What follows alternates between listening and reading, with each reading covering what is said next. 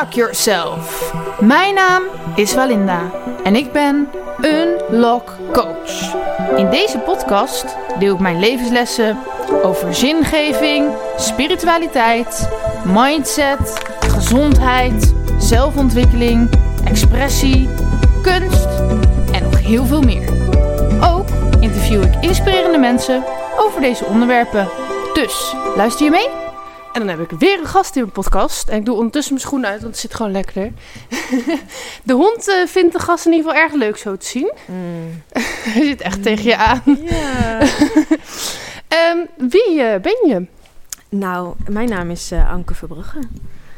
Was dit al de eerste officiële vraag waarbij ik nog meer over mezelf... Je mag zelf weten hoe je hem beantwoordt. Ehm, nou, ik, ik mocht hierover nadenken, want ik wist dat dit de eerste vraag zou zijn. En ik, ik vind het meteen eh, wel... eh oh, poeh, zo. Uh, huppatee, erin. Maar ehm, ik ben toch vooral mezelf. Dat, dus ik heb er heel diep over nagedacht. Mhm. Van wat, hoe beantwoord je die vraag? En dat was het antwoord. Oké, Ja. maar, maar dat is... Ja, dan gaan we dus wel weer gelijk er diep in. Maar wat is jezelf zijn? Ja. Als we dat toch eens eh, zouden weten, hè? Mhm. dan, zou, dan zou de wereld een hele mooie plek zijn, denk ik.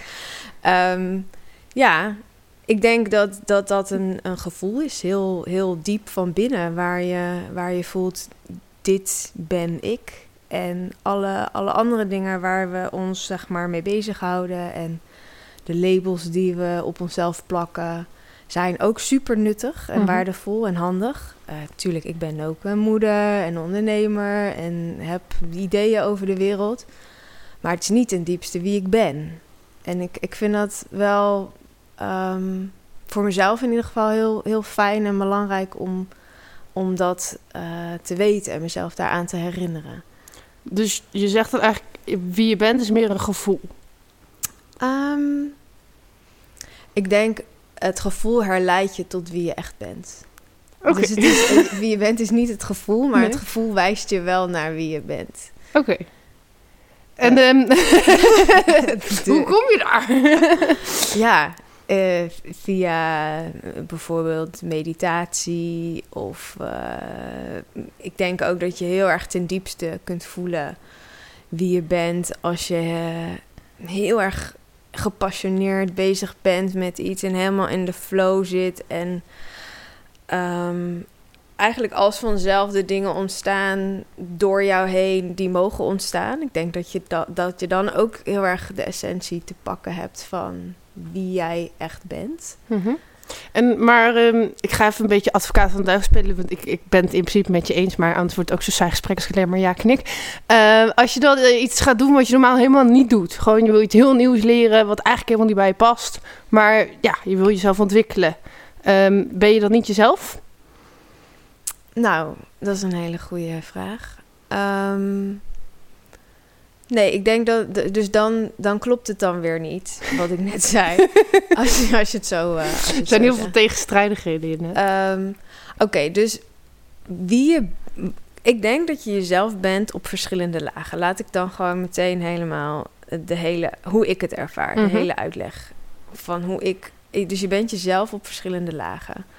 Dus je bent jezelf op de laag hoe ik het ervaar van source, van God, de bron, bewustzijn, zijn. Dit zijn allemaal woorden die wat mij betreft naar hetzelfde wijzen. En het, het is net hè, wat je voorkeur is, wat resoneert voor jou. En daar, daar, dus dat is een soort omhelzer van het alles. Daar binnenin gebeurt alles. Ehm, vervolgens heb je ook een individuele spark daarvan. En dat, zijn, dat is je ziel. Dus die, die alles die is dan soort van gefragmenteerd in een ziel, in een unieke expressie. Die unieke expressie, dat is nog, nog steeds niet tastbaar. Dus heb je ook, ik zeg het maar even zo, een lichaam nodig om daar expressie aan te geven. Met dat lichaam kun je dus dingen doen waar je heel erg enthousiast van wordt en die waar we het net over hadden, mijn voorbeeld.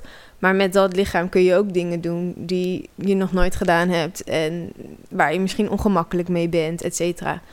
op dat moment ben je nog steeds ten, diepte, ten, ten diepste jezelf. Ja. Je bent nog steeds die source. Je bent nog steeds die individuele expressie via je, zeg maar, in de vorm van een ziel. En het is gechanneld in je lichaam en daarmee ehm, express je jezelf. Daarmee doe je dingen en heb je emoties en zeg je ja en zeg je nee en ga je links en ga je rechts. Mhm. Ehm, dus dat verandert niks aan wie je ten diepste bent. Het kan wel zijn dat als je met dat expressiekanaal dingen doet die niet goed voelen, of die eigenlijk niet bij je passen, of die je niet zo leuk vindt, dan ben je nog steeds wel wie je bent. Maar je voelt je er niet mee connected misschien. Ja. Dat is wat we bedoelen als we zeggen... Je, je bent van jezelf verwijderd geraakt... of je, je verliest jezelf ergens in. Dus dan ben je eigenlijk een beetje tegen je natuur in aan het gaan of zo. Ja, ja. Dat Maar ja, dat is dan wel. ook weer de natuur. Dat je dat doet misschien. Ja, het is denk ik eh, heel natuurlijk om eh, als een soort pendulum swing van links te gaan en naar rechts te gaan. En een beetje te ver naar links en een beetje te ver naar rechts om te ervaren. Oh nee, wacht even. Dat, dat is dus. Dit, dit gaat. Dit is niet wie ik in essentie ben. Nee. En om dan weer terug te bewegen naar het midden en uiteindelijk ehm, misschien ehm, in een minuut of in een dag of in een maand of in een levenslang dat proces te lopen. En waarbij je uiteindelijk idealiter wel bij dat midden uitkomt. Mhm. Waar je voelt, ja, dit ben ik, hier ben ik mezelf. Ja. Oké. Maar daar, daar is dus geen eh, leidraad voor van... Oké, als ik dan mezelf ben, dan doe ik voor altijd X, Y, Z. Ja. Wat ik vandaag leuk vind, of wat klopt, is morgen misschien weer anders. En dan klopt dat het meest. Ja, dat dus dan is je, jezelf niet een vaststaand iets. Nee. Maar dat kan natuurlijk wel weer voor heel veel identiteitscrisis zorgen. ja. ja, toch? Als je het wil vatten. Ja, ja wij- wij- ik denk dat wij mensen heel erg geneigd zijn om, eh, om ons vast te houden aan... Die hond is echt- hond. Die, die Onze kijkt... hond, zeg ik al, hè? Onze hond. Ja, maar hij kijkt echt van, oh, ik krijg een massage. Ja, ja, ja. Goed, ga praat verder. Maar ik moest echt, hoe die nu kijkt, is echt wel uniek, zeg maar. Ja, dat kan ik niet zien. ja, de hond zit lekker bij mij eh, half op schoot. Ehm, ik weet niet meer wat ik Sorry, ik onderbrak was. je. Niet. nou ja, van eh, dus de identiteitscrisis. Die, eh, Oh ja. oh ja, dat wij als mensen gewoon alles willen benoemen, wil die volgens ja, ja, ik denk dat het heel veel houvast geeft. Ja. Want, ehm, dus, eh, terwijl het eigenlijk in mijn ervaring schijn houvast is. Stel, we zouden ons echt helemaal verbonden voelen met dat ik-gevoel. dat, is, dat is heel solide. Dat is echt rock solid. Ik weet eigenlijk helemaal niet wat solide betekent. Ik heb wel eens dat woord gehoord, maar wat betekent dat? Ehm, ja, dat het, eh, ehm, dat het stevigheid biedt. Mhm. Solide, dus als iets solide is, dan is het, valt het niet makkelijk uit elkaar. En dan kan het tegen een stootje. Ja. Dus ehm, hoe meer je dat ik-gevoel uit jezelf haalt, hoe meer solide jij komt te staan als persoon. Mhm. Ehm, maar dat, dat, dat leren we meestal niet. Of we zijn dat volgens mij nu met z'n allen massaal aan het leren in een soort bewustzijnsslag. Ehm, en omdat we het niet leren, zoeken we onze houvast ergens anders. Bij andere mensen, bij titels, eh, labels, noem maar op. Dus dat Ja. is dat je het dus van buiten naar binnen aan het halen bent. Ja, maar volgens mij kan je ook bijna niet anders. Bijvoorbeeld, ik was gisteren had ik nog een radio-interview en ehm, dan vragen ze ook eigenlijk van wie ben je, stel jezelf voor. En dan denk ik, ja, dan moet je toch titels gebruiken. Zeg maar, je, je kan bijna niet... Ja, of je moet gewoon nooit meer willen praten of zo. Maar, Ja, nee, dat is een goed punt. Ja. Ehm, maar ook gewoon om jezelf te navigeren is het handig om, om een soort beeld te hebben. Ja, zeker. Nee, dat is ook zo. Ja. En het is alleen maar... ehm, ik, als iemand op het schoolplein vraagt, wie ben jij? Mhm. Dan geef ik natuurlijk ook niet dit antwoord. nou, ik heb dus wel... maar ik voelde wel de ruimte. En eh, ehm, ja, omdat jij zo duidelijk zei van dat is de eerste vraag... heb ik er wel even over nagedacht. Ik dacht, ja, als ik heel eerlijk ben, dan zou dit mijn antwoord zijn. Ja. Maar dat is ook niet mijn dagelijkse antwoord bij de bakker of zo. Ja, ik heb dus wel eens... eh, vroeger nam ik het gewoon allemaal veel te serieus of zo. Nu zou ik me wel aanpassen. Gewoon, want het is handig om je een beetje aan te passen aan degene Ja. met wie je bent, dat diegene je begrijpt. Ehm, maar ik heb wel eens een sollicitatiegesprek gehad dat ze ook vroegen wie ben je? En zei ik, ja, ik ben overal iemand anders. en toen zaten ze echt van, volgens mij sport die vrouw die eenmaal, die nemen we niet aan, weet je Oh, wel. ja. Ja. En eh, toen later had ik weer zo'n sollicitatiegesprek, dacht ik, oké, dit keer moet ik niet die vraag op die manier beantwoorden, want dat is te verwarrend. Dus ik zei gewoon van wat ik deed en waar ik van hield. Toen was het ja, maar wie ben jij? Toen dacht ik, oh, ze willen dus wel een antwoord. Dus toen zei ik, ja, dat weet ik eigenlijk ook niet. Daar ben ik al mijn hele leven naar op zoek. En toen eh, ehm, zei die vrouw dus, eh, eh, dacht weer dat ik een soort identiteitscrisis had, dat ik helemaal niet wist wie ik was. En toen kwam ik weer over als een soort dwalende puber of zo. Dus dat was ook niet helemaal het goede antwoord. Maar ja, er is ook niet echt goed of fout. Nee. Nou ja, en ik, ik, ehm, ik denk dat het, het niet zo eens zozeer uitmaakt welk antwoord je geeft. Mhm. Maar dat het, het fijne z- zou zijn als jij, ook al geef je het ene antwoord of het andere antwoord, dat je toch dat gevoel kunt voelen op, op het moment dat je antwoordt in jezelf van ik weet donders goed wie ik ben. En dat is, dat is ook niet in woorden te vatten. Nee. Daarom gebruik ik net die vijf woorden voor hetzelfde. Mhm. Ehm, het, dat is een, het is een, een, ja, een, een bewustzijnsfrequentie of zo. Ja, Ehm, dus het gaat er denk ik niet om welk antwoord je geeft, maar om kan je het voelen in jezelf en daarna kan je ermee spelen Ja. naar gelang wie je tegenover je hebt. En ik, ik denk eerlijk gezegd dat het een heel eerlijk antwoord is van ik heb geen idee wie ik ben. Ik denk dat in hoge, hoge kans, grote kans, dat degene tegenover jou eigenlijk ook geen idee had Nee. wie hij of zij was. nee, maar dan heb je dus wel, als iemand dus niet zo met spiritualiteit bezig is, Ja. zeg maar, dan denkt diegene, nou, ik ben verder dan jij, want ik weet wel wie ik ben. Ja, ja zeker. zeker. Maar goed. Ja. Maar goed, dat maakt dan ook niet uit. Ehm, even denken, wilde ik daar nog meer over zeggen? Nou, ik, ik had een beetje een beeld van eh, als je bijvoorbeeld een schilderij gaat maken, dat is ook een vertaling van wat je op dat moment voelt of ervaart. Ehm, en zo is, zijn woorden en tekst eigenlijk ook een vertaling van dat moment. Ja. Dus misschien eh, dat je het- hetzelfde bedoelt, maar morgen een heel ander schilderij maakt, zeg maar. En dat kan dus ook met woorden zo zijn. Ja. Dus je, je kiest gewoon hetgeen wat op dat moment het meest kloppend is. Ja. Ja, en ik hou van woorden. Ik Eh, ook. Het, het, zijn, eh, het is zo'n prachtige tool en tegelijkertijd schiet het altijd tekort. Ja.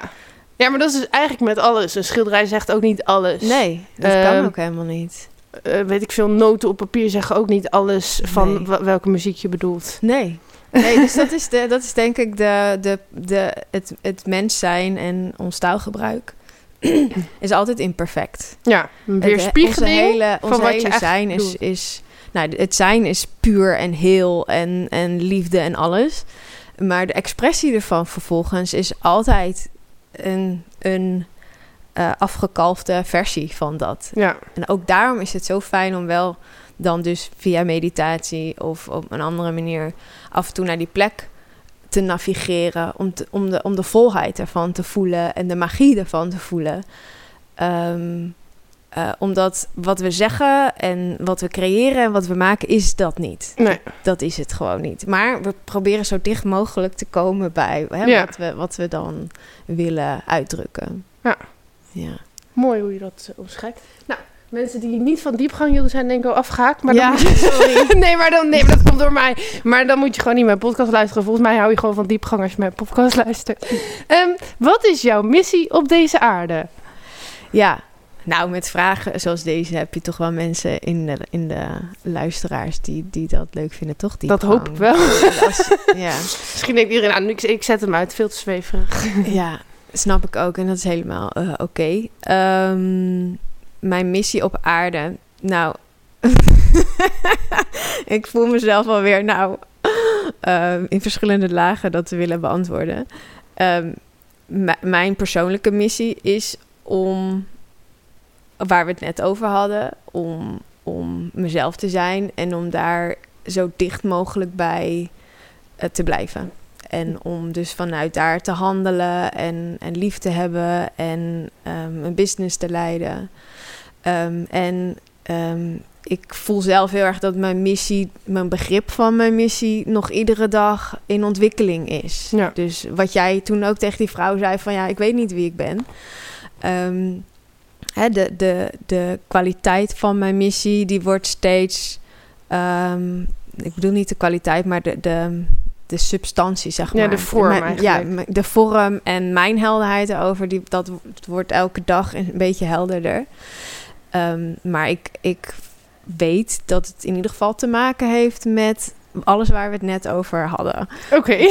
Ja, dus dat eh, om mensen te helpen om naar die plek te navigeren waarin ze ten diepste zichzelf zijn. En Mhm. vervolgens ook om ze tools te geven om vanuit daar het menselijk leven te leven. Wat ehm, best nog wel een uitdaging kan zijn om echt vanuit je eigen plek ehm, in de wereld ehm, te verschijnen en, en je dingen te doen. En nog, als, je het nog, als ik nog iets verder uitzoom, dan denk ik ook dat mijn missie heel erg gaat over bewustwording.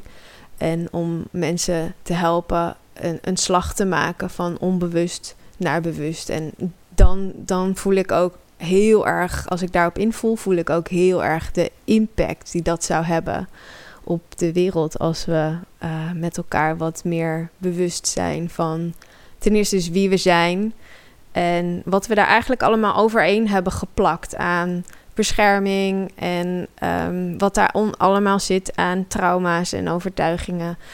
Ehm, ja, ik geloof heel erg dat als dat aan het licht mag komen en getransformeerd mag worden, dat eh, dat ten eerste heel erg fijn is voor jezelf en ten tweede voor ja, naasten en ten derde voor ook weer nog echt de rest van, van ehm, de mensheid. En, Ja. en daarmee moeder aarde. Dus het is, het is, het is voor mij niet kleiner dan dat.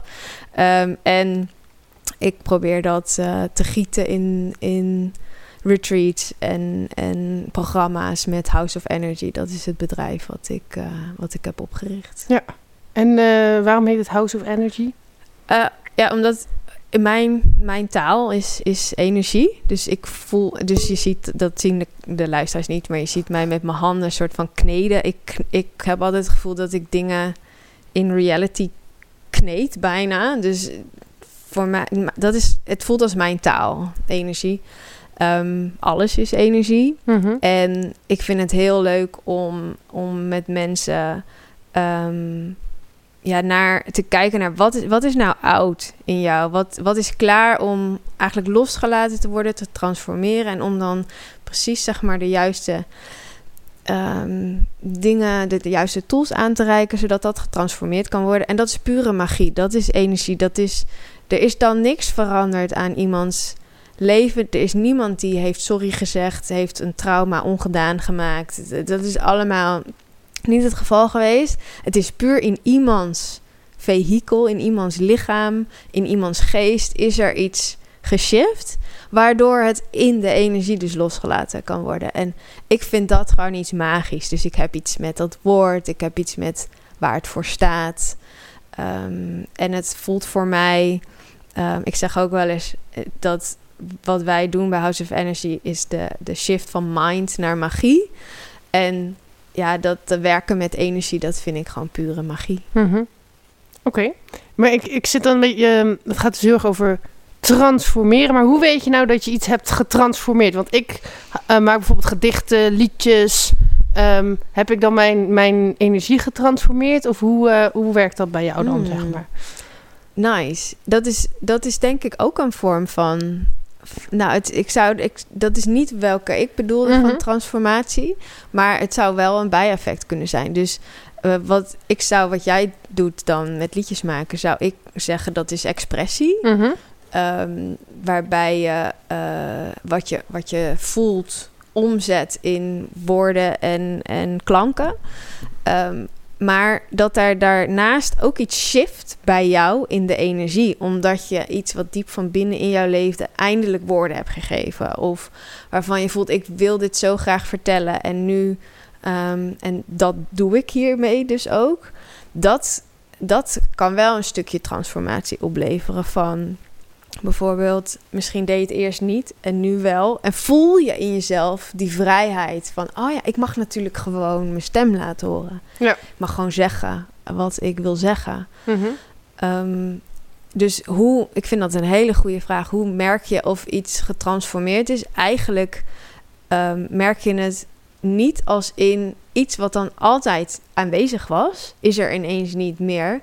Dus het is in het begin merk je het nog wel van hé, hey, oké, ik voel me vrijer. Ik uh, het ook nog een beetje wiebelig, weet je, op Bambi op het ijsgevoel van is het echt weg of, of, of komt het weer terug? En voelt het een beetje onwennig met de vrijheid, want het, het levert je meer vrijheid op, vrijheid die je hebt. Um, en op een gegeven moment wordt dat je nieuwe normaal, totdat je tegen de volgende grens aanloopt of de volgende blokkade aanloopt van, oh, ik dacht dat ik eindeloos vrij was, want dat is je nature, dat is wie we allemaal ten diepste zijn, eindeloos vrij. Um, ja, totdat je tegen de volgende grens aanloopt, die vaak in je mind, of eigenlijk altijd in je mind, waar je dan tegenaan loopt, een overtuiging, een belemmering.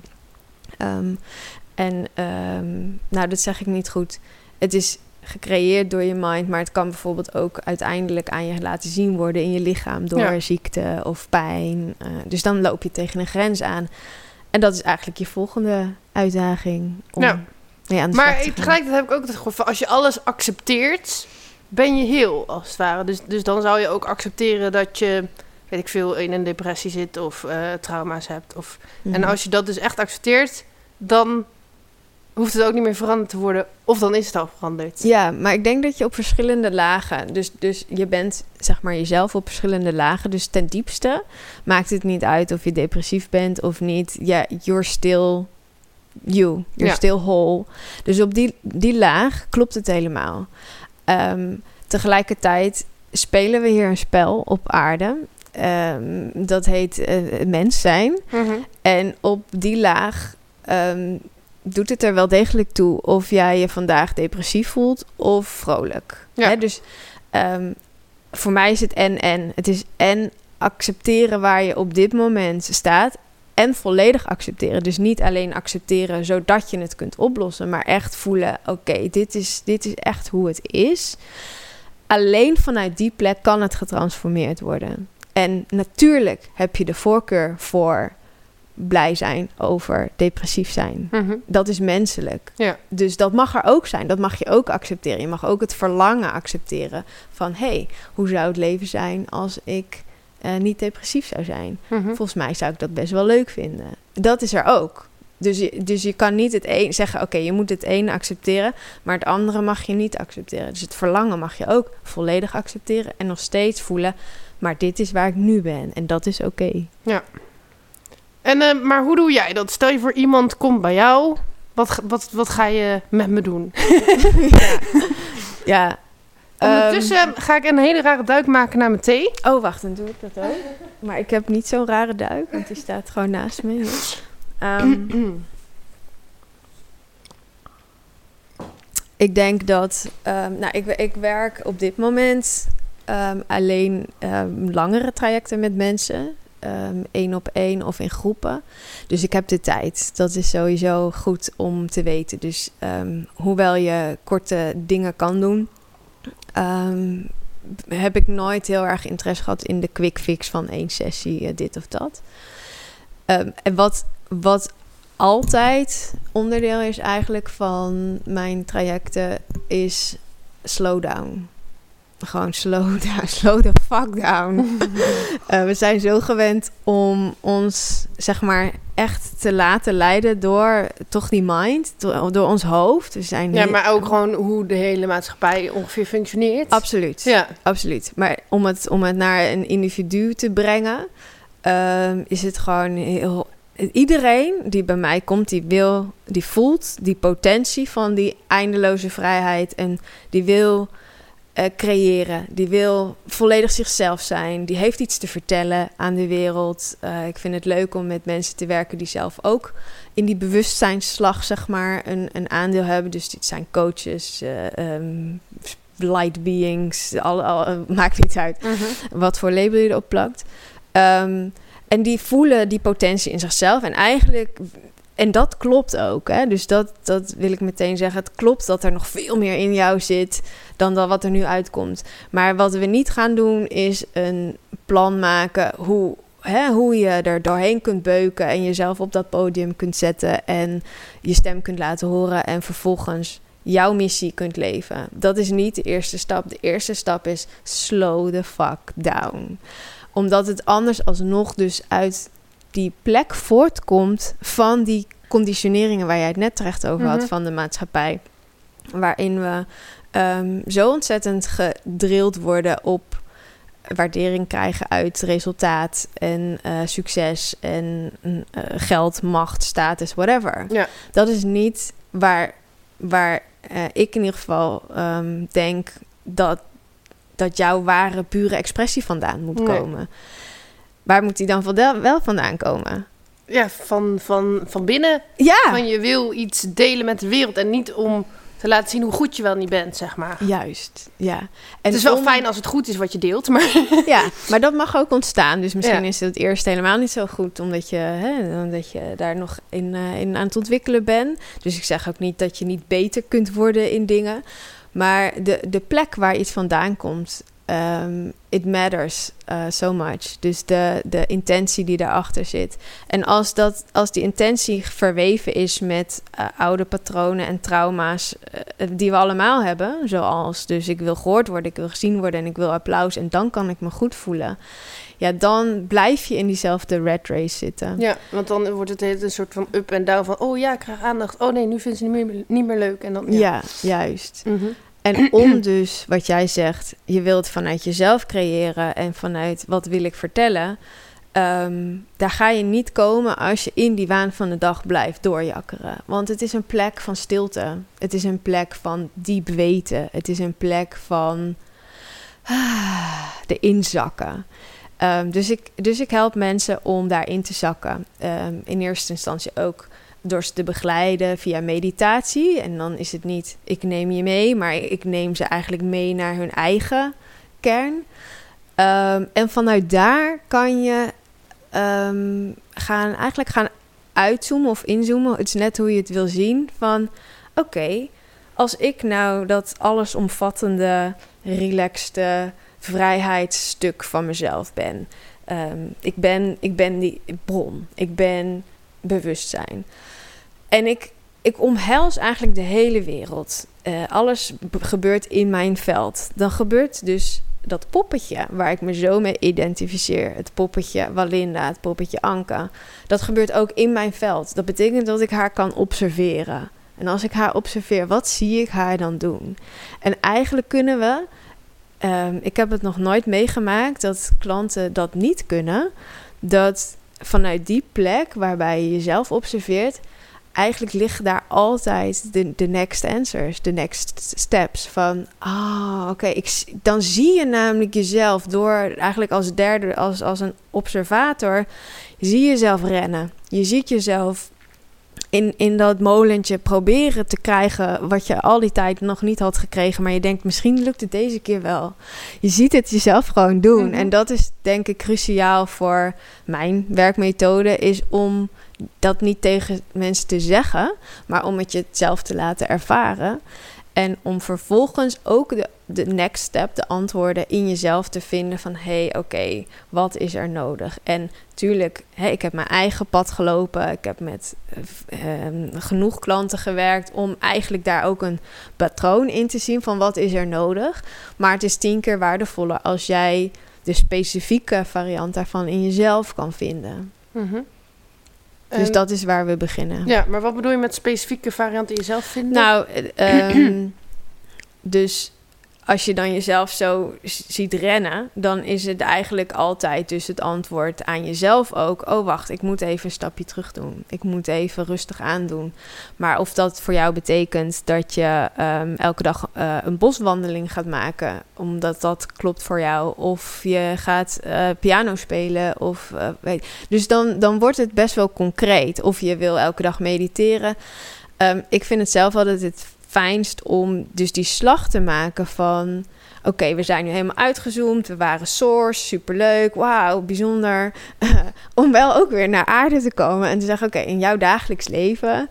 Hè, wat voelt kloppend voor jou? Wat, eh, ik zeg nu allemaal een soort van doelsettings van elke dag dit, elke dag dat. Mhm. Zo hoeft het er ook niet uit te zien. Maar Nee. meer Niet als een gevangenis, maar wat, Nee, wat, wat, je kan zie helpen. je? Ja, wat zie je jouzelf doen in jouw echt jouw daily life. Maar, maar dat kan, dat is wel goed dat je. Dat kan ook weer. ehm, bijvoorbeeld, ik heb twee jaar lang elke dag yoga gedaan. Maar zelfs dat ging ik als een soort prestatie zien van Mhm. echt vet goed dat ik yoga doe en zo. Ja. Maar ontspan je dan echt? Eigenlijk nog steeds niet. Nee. Nee, precies. Dus ik zeg, ik, ik noem die voorbeelden en tegelijkertijd denk ik dat is helemaal niet hoe het meestal gaat. Het is meer, wat heb jij nodig om inderdaad tot die plek te komen waarbij je kunt voelen, wat heb ik nodig? Ja. Is het vandaag yoga of is het een wandeling? Ga ik hardlopen of ga ik hier op een dekentje een beetje voor me uit zitten staren? En maar jij komt wel over alsof je die rust heel erg met je meedraagt. In ieder geval in dit moment, vind ik zelf. Eh, is dat ook zo? Of, of heb je stiekem ook nog wel heel veel stress en zorgen? Want ja, Mhm. het, het, het is natuurlijk wel niet voor niks je missie een beetje zo. Ja. Eh, ik heb ook wel eens stress of zorgen. Ik ben ook gewoon Gelukkig. eh, een mens. Ja, ja.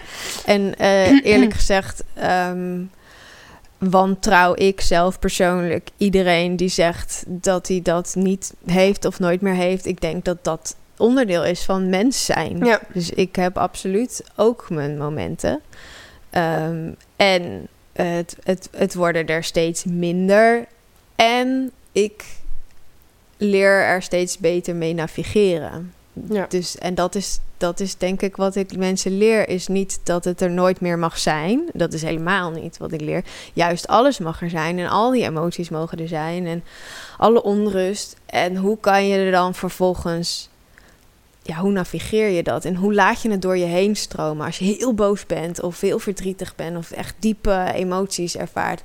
Hoe laat je dat door je heen stromen? En dan komt ook weer die energietransformatie. Dus eigenlijk in elk traject zitten ook ehm, echt losse sessies van energietransformatie, waarbij we het li- lichaam echt de kans geven om datgene waar we mee hebben gewerkt, om dat ook werkelijk los te laten en te doorvoelen en ehm, dat soort dingen. Dus ik doe dat zelf thuis ook. Dus als ik voel van, oh my god, het zit me heel hoog, dan doe ik dat bijvoorbeeld met mezelf, of ik ga in meditatie, of eh, ik bel een vriendin. Het is dus dat ook. Het is maar net wat je op dat moment nodig hebt. En als ik nu te veel eh, de details eh, laat uitspreken, want anders komen mensen misschien niet meer langs. Maar hoe, eh, wat doe je dan precies in die energie? Ga je yoga-oefeningen doen of hoe doen jullie dat? Nou, ten eerste, ehm, wat jij net zegt, het maakt mij niet uit om het in detail uit te leggen. Als jij dat interessant vindt, dan wil ik dat zeker doen. Want het gaat er niet om dat ik een geheim heb wat ik voor mezelf wil houden. Want de mensen die dat samen willen doen, ik vertrouw op, die, die komen dat wel samen doen. Ehm, dus energietransformatie is ehm, die methode waar ik het net over had. eh, waarbij je dus eerst uitzoomt en voelt: I am source, I am the creator, this is my real me. Eh, en dan vervolgens, wat, wat ik meestal met eh, klanten doe, of in die sessies doe, is ik werk met muziek en met geluid en met, ja, met trilling. Muziek is natuurlijk trilling. Ehm, waarbij, ze weer, waarbij je eigenlijk weer helemaal terug vanuit die, die grote plek weer terug gaat in je lichaam. En daar ehm, gaat observeren. Eh, wat, wat maakt het los? Dus die muziek heeft verschillende ehm, vibes, expres. Dus heel, heel bombastisch, heel eh, zacht, heel expressief, heel verdrietig, nou, melancholisch bijvoorbeeld. En eigenlijk die, die, die vibes, die raken snaren van emoties die nog opgeslagen zitten in je lichaam. En op het moment dat het gaat trillen, of dat, dat je dus die muziek voelt in je lichaam, komt dat naar boven. En, nou, dat kan, dat, en omdat je vanuit juist die spaceholder plek je lichaam gaat observeren, mag alles er zijn en mag gewoon alles naar boven komen. Dus dan, dat kan in de vorm van lachen, tranen, trillen, compleet stil liggen. Het, is, eh, het, het, gaat alle kanten op. Maar uiteindelijk is het, is het eh, doel tweeledig. Enerzijds om te oefenen met wat gebeurt er in mijn lichaam en kan ik op die subtiele signalen afstemmen. Want dat is wat in ons dagelijks leven ook echt onze lijntje is tussen die source en onze ziel en ons lichaam. Dat zit daar, dat is, dat is, dat is één kanaal. Ehm, hoe meer je daarop afgestemd bent, hoe makkelijker het is om het menselijk leven te navigeren. Mhm. En hoe fijner we ons voelen. Eh, het tweede doel is om in het moment ook werkelijk dingen dus los te laten. Ik eh, wil niet veel zeggen, maar het lijkt best een beetje op wat ik doe in een unlock sessie met mensen. ja, wat doe jij? Wat vertel. Ehm, nou, eerst heb ik gewoon een heel uitgebreid intakegesprek waarin ik zeg maar alle, ja, je zou blok- blokkades kunnen noemen, maar alle problemen van iemand analyseer. ja. En dan ehm, doe ik wat er in me opkomt, maar wel wat heel erg aansluit bij die persoon. Dus ik doe ook hypnose bijvoorbeeld. Ja. Maar ook wel eens dat we gaan dansen, dat we gaan toneel spelen, ehm, meditatie. Eh, het is echt dat gewoon, ik hoor dat verhaal, ik hoor waar iemand tegenaan loopt en dan komt er een idee en dan ga ik dat met die persoon doen. Ja, cool. Ja. Ja, heerlijk. En ja. soms ook nog met, met eh, ja, dat klinkt weer zo schools, maar huiswerk, dat ik dus nog schrijfopdrachten heb voor iemand of zo. Of Ja, dat ja. soort dingen. Ja. Ja ik denk ook echt serieus dat. ehm, hè, er zijn zoveel mensen die, die dingen aanbieden. En ik denk dat de, de algemene deler heel vaak gaat over hetzelfde. Mhm. En het is gewoon mooi om te zien dat jouw manier van expressie geven, dat is echt jouw manier. Ja. En ik speel nooit toneel met mensen. dat, dat is dan, dat zit, als je dat wil, dan moet je dus naar Valinda. Ehm, dat zit gewoon niet in mijn toolbox. Maar dat geeft helemaal niet, want dat Nee. heb jij in je toolbox. Ja. Dus dat, dat En ook van, misschien doen we soms wel een beetje dezelfde oefening, Ja, maar jij zou dat heel anders doen dan ik. ja, Dus dat ja, is ook wel grappig. ja, absoluut. Ja. Oké, ehm, ik zit even te denken. We gaan weer naar de persoon Anke. Ja, oké. Ehm, Mhm. In wat voor gezin groeide je op? Mm. Ehm, ik groeide op in een. eh, eh, ik groeide op in Amersfoort. In een gezin met eh, vader, moeder, oudere broer en een jonger zusje. En wij hadden ook, eh, hebben heel lange tijd ook nog ehm, pleegkinderen in huis gehad. Dus dan was er naast ons drieën nog een vierde kind die ehm, bij ons echt bij, vast bij ons woonde, zeg maar. Dus pleegzorg kan natuurlijk op verschillende manieren, maar wij hadden dan echt iemand die voor langere tijd eh, bij ons woonde. En eh, ja, het was denk ik heel erg normaal. ons gezin was heel erg nou ja, normaal. pleeggezin is meestal niet normaal, maar... Nou ja, nee, maar de, de, de, de vaste kern, zeg maar, de basis van ons gezin was heel, heel normaal. Mijn moeder eh, was thuis, die is later wel weer wat meer gaan werken. Mijn vader werkte fulltime. Eh, wij, we mochten, wij zaten allemaal op een clubje en een, eh, weet je, één sport, één ander, misschien muziekachtig ding. Ehm, ja, dus ik, ja, en, en ik zeg normaal, maar voor heel veel mensen is dit natuurlijk helemaal niet normaal. Maar ik, ik bedoel misschien meer een beetje doorsnee voor die tijd van hoe een gezin eruit zag. Zo zagen wij er denk ik wel een beetje uit. ja. Oké, dus Ja. ook niet eh, heel veel problemen in het gezin of... eh, Nee, ja, er, er waren natuurlijk wel, natuurlijk waren er dingen. ehm, even nadenken hoor. Ik snap het Eh, ook als je ja. trouwens niet alles op tafel wil gooien hoor. Maar- Nee, ja, maar ik, ik, het is meer van om even af te tasten wat is, wat is relevant eh, om te delen. Ehm, ik denk wel dat er. ehm, hè, de laatste paar jaar ben ik wel heel erg bezig geweest met. eh, ook met, met de relatie met mijn moeder en met mijn vader. En welke dingen daaruit nog ehm, mij. ja. Verhinderde, zeg maar, om volledig mezelf eh, te zijn. Ehm, inmiddels voel ik heel erg dat dat rond is. Dus dat ik een hele open, mooie connectie heb met, eh, met mijn ouders.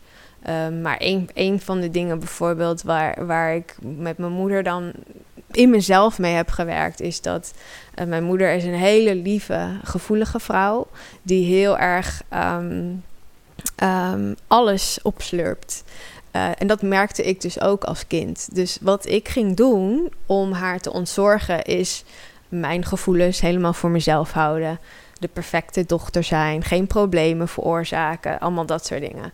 Nou ja, dat heb ik later wel eh, moeten eh, doorploegen en doorspitten van... oh nee, wacht even, ik mag natuurlijk gewoon ook verdrietig zijn... en ik mag het ook even niet weten. En ik, mag, ik was heel verantwoordelijk, heel erg ehm, echt de oudste dochter. Mijn broer was dan wel ouder, maar hij was juist meer de rebel. Ehm, dus ik, eh, ja, ik heb dat echt los moeten laten. En ook, ehm, het is heel mooi, want nu, nu, nu kan ik dat ook delen met mijn moeder zonder daar, daar um, wrok over te hebben. Zonder daar, daar bozigheid over te hebben. Dat ze soms zegt, want dan deel ik bijvoorbeeld iets heel makkelijk op Instagram. Mhm. En zegt ze, oh, dat wist ik helemaal niet. En eh, ik zou je zo graag willen knuffelen. En nu kan ik tegen haar zeggen, ja, ik heb dat niet met jou gedeeld. Dat is gewoon nog een, een automatisme. Want eh, alles wat ik deelde vroeger, dat nam jij gewoon over. Hè, dus, dus als ik verdrietig was, dan, dan was, werd zij er ook verdrietig van. Nou, daar had ik ook niks aan, want dan waren we allebei verdrietig, Ja, weet ja, je wel. ja. Ehm, dus ehm, het is heel mooi om dat nu een, een tweede ehm, kans te geven of zo. Van dat zij zegt, ja, maar ik, ik, ik hoor wat je zegt. Ik snap wat je bedoelt. Ik zou het fijn vinden, misschien in de toekomst, dat dat wel zou kunnen. En denk, oh ja, grappig. Dus dat kan ook veranderen. Ja, en, het is dus vooral dat, zo dat, dat, dat ze heel gevoelig eh, was of is eh, voor dingen, maar niet veroordelend of zo. Nee, Oké, want dat kan ik me ook nog voorstellen dat je dan iets op Instagram schrijft en dat je denkt, oh god, straks Nee. leest mijn moeder het. En, nee dat, was, dat was het niet. Oké. Nee, dat was niet het patroon. Kan ik me inderdaad ook voorstellen dat dat weer op een andere manier remmend werkt. En ik denk dat we dat dus allemaal eh, hebben met, met ouders of met andere zeg maar, figuren uit onze jeugd. Dat die nog inderdaad in onze hoofd, in ons systeem een beetje doorwerken.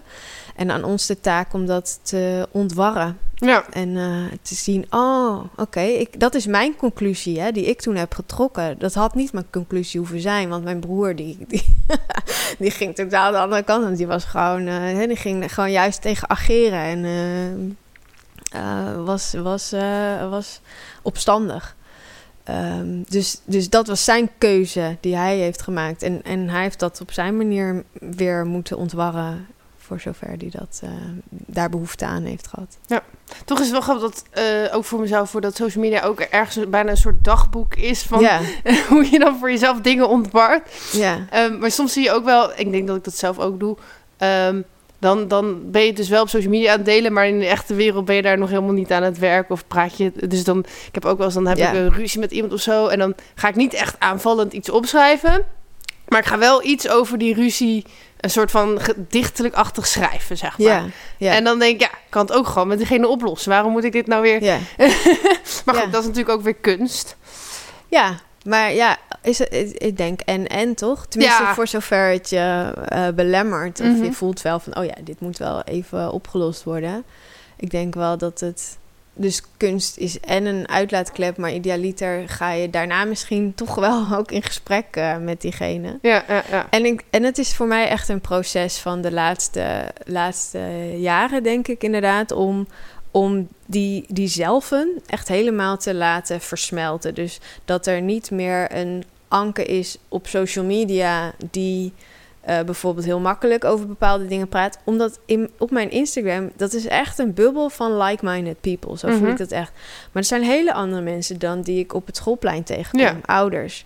En het is echt iets van de laatste, denk ik, twee jaar... dat ik ook op het schoolplein ehm, me vrij voel om te vertellen wat ik doe. Ja. Hè, dat, was een, dat is echt een heel proces geweest. Eh, want dat is, nou ja, zoals je het net al merkte bij de intro... ik, ik, ga, lek, ik ga graag diep en, het, en tegelijkertijd voelt het voor mij heel normaal en Mhm. neutraal... Ehm, tuurlijk pas ik mijn boodschap aan aan wie er voor me staat. Maar dat is meer om, om, Te levelen. om te levelen. Als je maar niet zeg maar een Fransman mezelf- tegenkomt, dan dat je Frans praat. Ja. Juist. maar niet omdat ik angst heb of omdat ik mezelf kleiner wil maken of me wil verstoppen voor wat ik eigenlijk echt denk en eigenlijk echt voel en eigenlijk echt geloof. ja. Ja. Ik denk dat ik dat wel herken, maar ik zit nog wel...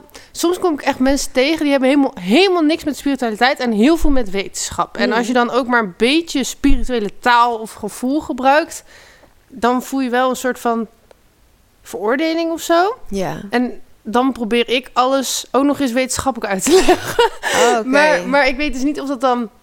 Maar is dat dan om het ongemak in dus niet. jezelf te voorkomen? Of, ik, dus dat is wat ik net ook zei. Intentie is alles. Nou, ik denk... Oké, dus ik heb bijvoorbeeld wel een goede vriend van mij... waar ik wel eens eh, eh, muziekdingen mee maak en zo. Die is heel erg van de wetenschap. En zodra je iets noemt eh, wat, wat niet tastbaar is, zeg maar, dan is het al, eh, dan krijg je allemaal bijna een soort discussie van, ja, maar dit klopt niet en dat klopt niet. eh. En dan weet ik niet altijd iets, iets terug te zeggen van, dan is denk ik van, ja, het is gewoon dat ik het zo voel, maar Ja. ja, maar dat is heel erg de tijd waarin we leven. ja, Dat dat niet een valide argument zou zijn. nee, Ehm, en, en het vraagt best wel veel zelfvertrouwen om met zo'n argument te komen in, in een, in een science-based ehm, society. ja, Dus ik, ik, I feel you totally. Ehm, maar het is eigenlijk, hoe ik het voel, dat is precies waar we naartoe mogen bewegen. Is dat sommige dingen voel je. Ja. En, en ehm, ik denk eh, niet dat alles zeg maar man-vrouw is, maar heel veel vrouwen die, die weten dingen. Ja. Die voelen dingen. En dat, dat is gewoon zo. ja, Maar wij, wij zijn natuurlijk helemaal niet aangemoedigd om vanuit die, die hoek ook ons, onze boodschap te delen. Van oké, wait.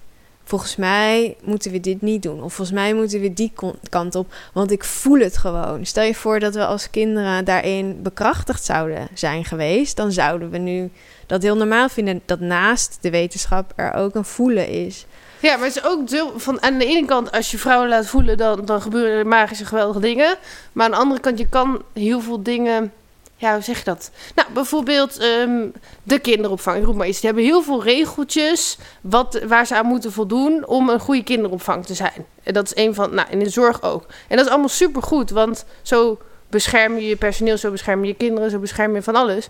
Maar als je het gewoon vanuit gevoel doet, dan doe je het als het goed is ook wel zo, zeg maar. Juist. Maar, Ja. maar het is heel lastig van hoe je. hm, Gevoel kan je als het ware niet, niet, niet veilig op papier. Ja. Snap je? ja. Ja, dat is heel lastig. Ja, maar daar zijn we denk ik met z'n allen dus heel erg naar toe bewogen de afgelopen ehm, honderden jaren. Mhm. Ehm, en we zijn nog steeds die kant op aan het gaan met, met ehm, alles elektrisch maken en alles eh, nog meer automatiseren. Het is, we gaan eigenlijk steeds verder als, als maatschappij, steeds ver- verder weg van dat gevoel. Ehm, dus dat is één stroom. En aan de andere kant is er inderdaad die stroom van ehm, bewustwording, die, die, die te midden van dat technische geweld en de robotisering en alles zegt: Oh, maar wacht even, ik ben een mens en ik heb een gevoel en mijn voeten in de aarde en de maan. En weet je, de, de, de connectie met het nu en ons lichaam. Eh, ik ben heel erg, ook heel erg nieuwsgierig naar hoe, hoe zich dat, zeg maar, zal ontwikkelen. Ja, maar ik denk ook dat het uiteindelijk elkaar, niet, niet uit... Dat het juist met elkaar moet trouwen, als het ware. Ja, hoe zie, hoe zie jij dat dan voor je? Ehm, Ik zeg niet dat het niet zo is, maar Nee, nee. ik hoor je visie graag. Ehm, nou, ik denk dus dat ik van nature eigenlijk juist eh, wel dat gevoelsmens ben. Maar dat ik dus heel veel mensen ben tegengekomen die dat niet waren. En dat ik wel altijd de intentie heb om met mensen te kunnen connecten of zo. Ja. En daardoor heb ik juist steeds meer dat ik probeer gevoel te beargumenteren. En ja, dus dat ik het probeer te vertalen of zo. Hm. En ik denk dat dat, ehm, ja, dat ja, iedereen. Het zit in ieder geval wel in mijn missie. Heb je die wel eens gedeeld hier op de podcast, wat jouw missie is? Eh, mijn missie is, ehm, ja, dat is dan eigenlijk niet helemaal wat ik nu zeg, maar eh, zinnen geven, zingeving en zingen. Zeg dat nog eens. Het ging heel snel. Ik noem mezelf de zinggever. Oh, ja? Ehm, en mijn missie is zinnen geven, dus dat is schrijven. Oh, zinnen geven. Ja, dus schrijven, Ja? praten over zingeving dus. Ja. Eh, nou, coachen is dan ook een vorm van, van praten over zingeving. Ehm, even denken, dichten, liedjes schrijven, dat is zinnen geven. Nou, zingeving is mijn onderwerp. En zingen is dus de liedjes die ik graag zing. Ja. En dan ook nog mensen er zin in geven. Wow, jij bent echt druk. Maar, maar Ja. ehm, mag ik daar even op doorvragen? Dat mag ja? zeker. Ja. Dat, zijn, dat is hoe je het doet, toch? Nou, Eh. het is een beetje hoe en wat je het doet. Maar waarom doe je dit? Hmm. Ehm. nu wordt het een podcast over mij, maar dat vind ik niet erg. We doen even een afslagje, want mensen willen jou Waarom- ook beter Waarom leren kennen. doe ik dit? Omdat ehm, ik dus... ik weet niet helemaal of dat helemaal de reden is, maar dit is wat er nu uitkomt. Eh, vroeger was ik heel depressief, zeg maar.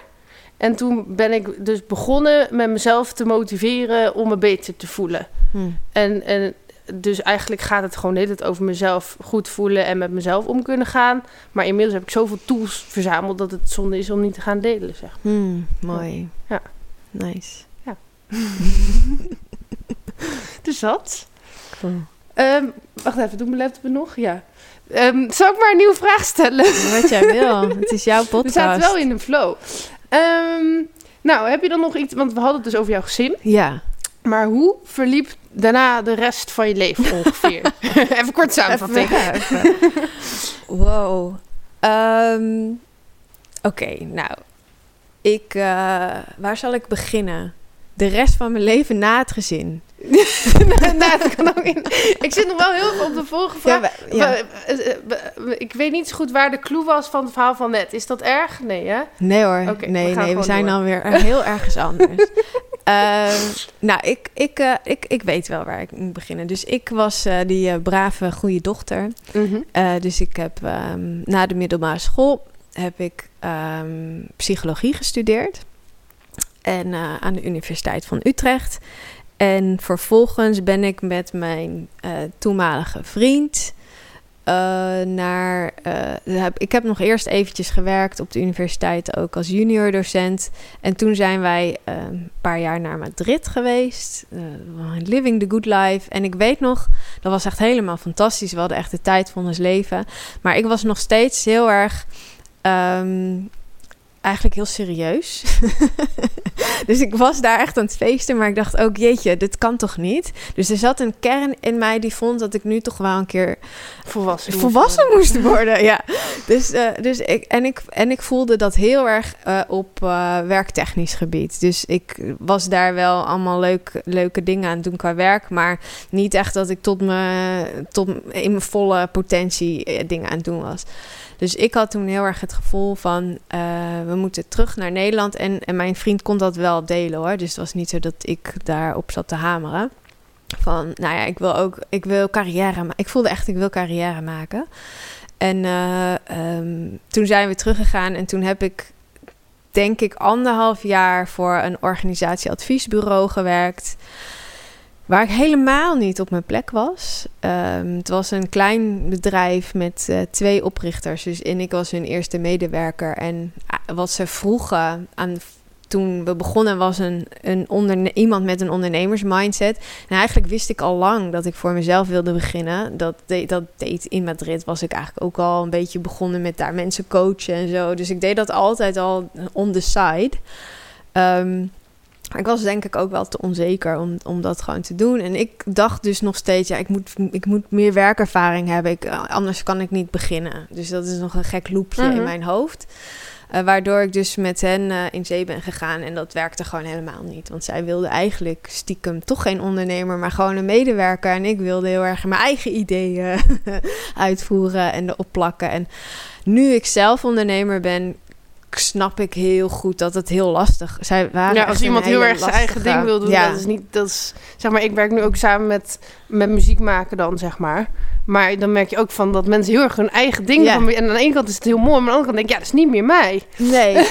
en het is, het, dus je moet daar gewoon heel duidelijk een keuze in maken van is dat wat ik wil? En, eh, en, en wij kwamen dus gewoon bij elkaar op een punt waarop zij dat wilde experimenteren en ik zocht iets. En eh, ehm, achteraf werkte het voor hun niet en het werkte voor mij niet. Dus helemaal prima dat dat, eh, dat, dat, ja, toen ben ik daar dus weggegaan en toen, dat is 2014 november 2014. En toen ben ik begonnen met mijn eigen bedrijf. En dat heeft nog hele, hele vormen gehad. Maar in, in de basis ging het wel altijd over die coaching en de begeleiding.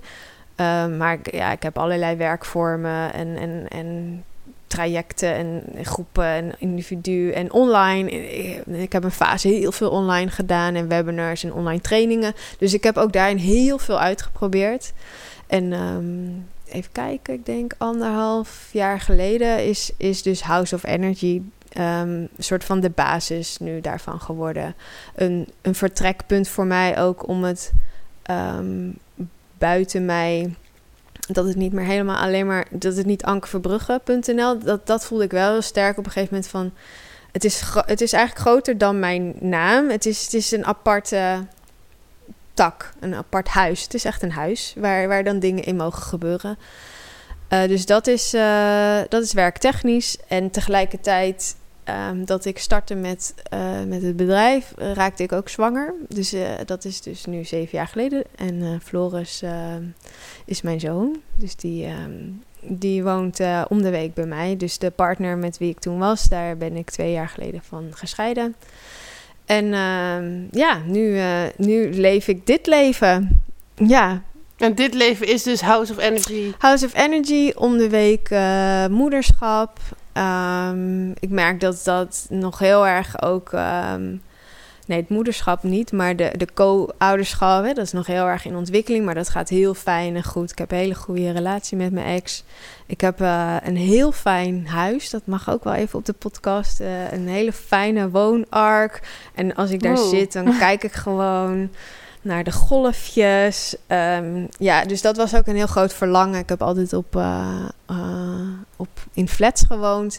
Ik dacht, nee, ik wil nu wil ik echt gewoon op de begane grond. Ik wil ochtends de deur uit kunnen lopen op mijn blote voetjes. En eh, eh, het komt ook echt voort uit dat verlangen om meer en meer te connecten met wie ik echt ben. En de connectie met mijn omgeving en, en de aarde. En ik kan nu gewoon elke avond de maan zien. dat soort dingen. Dat voelt heel fijn. Dus steeds meer en meer matcht mijn leven met hoe ik voel van binnen dat het zou mogen zijn. Ja.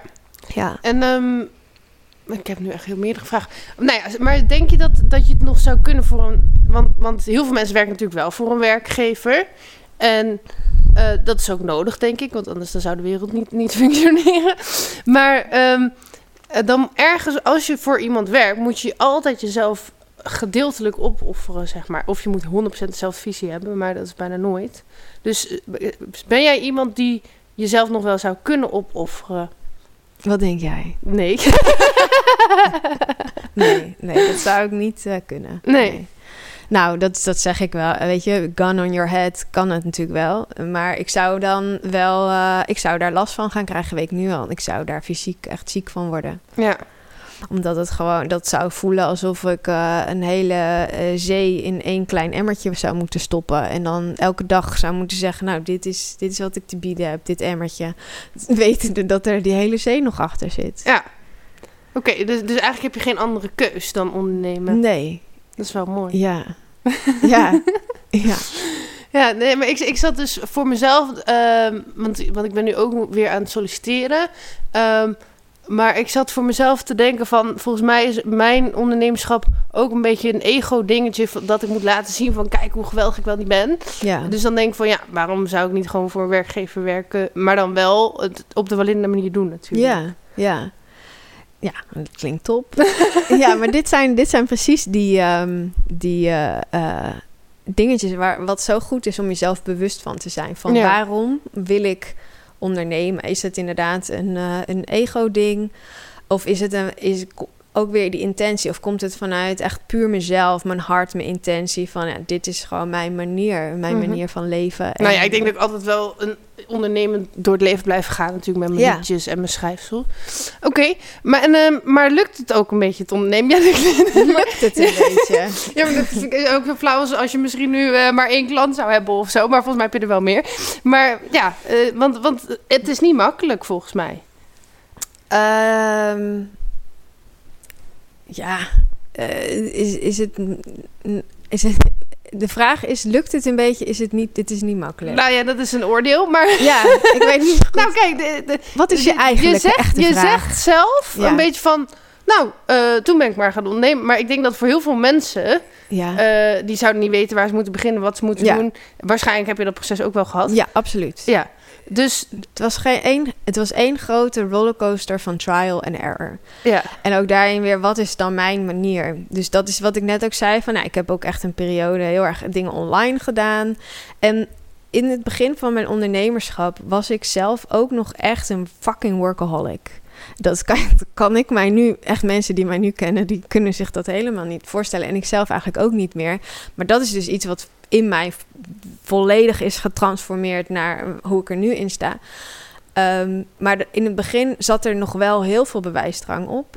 Ehm, heel erg veel angst van wat als het niet lukt, Eh, kan ik dit wel Alle, allemaal. Eh, Ik denk dat het heel herkenbaar is voor veel mensen, beginnend of niet. Mhm.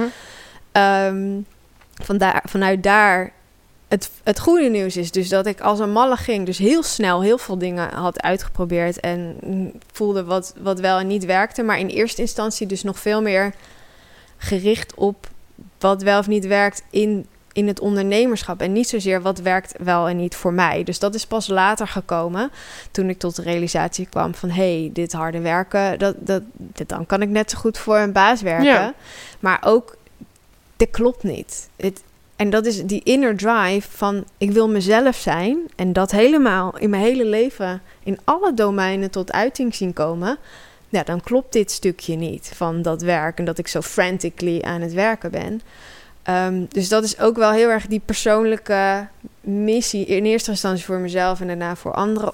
Ik moest dat echt helemaal doorwerken van hoe werkt werken als je het helemaal vanuit jezelf doet. En Ja. helemaal dus vanuit vertrouwen en liefde en, en flow. En dat wil niet zeggen dat je nooit ook administratie aan het doen bent. Mhm. Ehm, Of Maar- andere dingen of andere die je niet zo dingen leuk die je vindt niet zo even, leuk ja. vindt. Maar eh, een, het is idealiter ziet het er gewoon wel voor een heel groot deel zo uit zoals jij dat leuk vindt dat het Ja. eruit ziet. Maar, maar dat harde werken heb je toch op het begin ergens ook... Dus, dus misschien is dat dan wel vanuit be- bewijsdrang. Maar nou ja, je hoort best wel veel bekende artiesten of, of grote grootsheden... die hebben juist eh, vaak een hele nare jeugd gehad... en die Mhm. willen dan nu zichzelf bewijzen... Ja. en die komen daardoor heel ver. En ik denk Ja. dat die energie dus ook wel ervoor kan zorgen... dat met opstarten, dat dat eigenlijk voor je werkt wel. Ja, maar dat is dan ehm, nog steeds. Dit voorbeeld is nog steeds met het doel, bijvoorbeeld die artiesten, van dan ben je ver gekomen.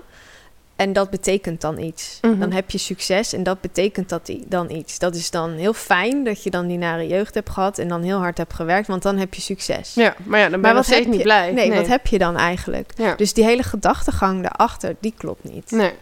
Ehm, Dus je hebt succes voor de buitenwereld, maar van binnen Ja. voel je je nog steeds verrot. Ja. Dus die, die, die artiest, die had net zo goed een hele gelukkige jeugd kunnen hebben. Ehm, plaatjes kunnen maken voor, hè, voor vrienden en familie. Helemaal vanuit, vanuit liefde, weet ik veel. Ehm, en misschien eh, een eh, baantje bij de Albert Heijn voor, voor, de, voor de inkomsten. Mhm. En is helemaal gelukkig. Ja, wat heb je dan liever? Ja. Wij, wij, wij mensen zijn zo geprogrammeerd om te denken... ja, ik heb veel liever de eerste, want dan heb ik succes. Maar dan heb je wel een kutleven.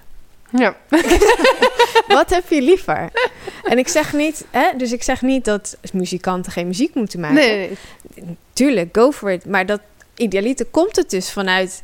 oh ja, ik wil dat creëren. En ik zeg ook niet dat er geen goede muziek is gemaakt eh, vanuit pijn. Dat zeg ik ook niet. nee. Maar je hoeft niet expres pijn te hebben gehad... of dat voor jezelf te wensen... eh, om Gelukkig te om worden. gelukkig te zijn Ja. of om heel te zijn of om het waard te zijn. Ja. Dus dat is ook zoiets. We denken als het, als het pijnlijk was, als ik er hard voor heb moeten werken, Als het zwaar was. als het zwaar was, nou dan, dan mag ik trots zijn op mezelf. Maar wat nou als dat niet waar is? Mhm. Er valt zoveel van ons hele denkbeeld valt dan gewoon weg. Maar ergens, ja... Ik heb ook wel eh, nu bijvoorbeeld mijn album met liedjes af en dat eh, was best zwaar. Ehm, nou, nu ben ik wel extra trots of zo. Ja. Dus, dus dat mag dan toch ook wel zijn? Zeker, zeker. Ja, maar dus het is, is het, heb je zeg maar ehm, pride in het, in het lijden? Heb je, heb je trots over het lijden? En oh ja, het was zo zwaar en ik heb zo geleden, maar ik heb toch doorgezet.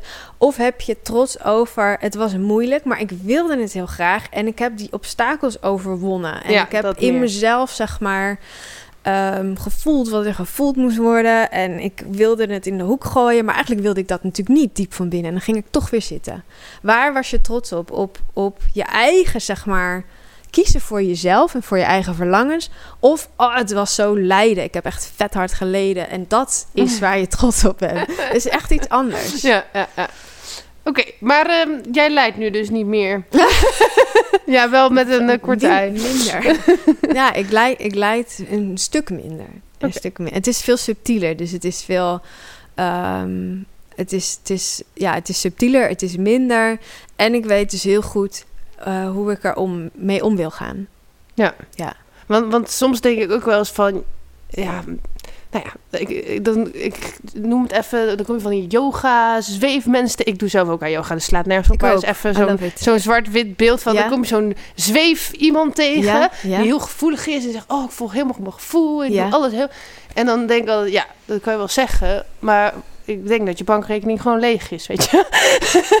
en, dan, en dan zie je ze ook weer struggelen van, van, oh, nu gingen ze wel weer een baan zoeken en dan weer... Snap je, van, ehm, is het niet een ideaal plaatje eh, vanuit rust eh, creëren? Ehm,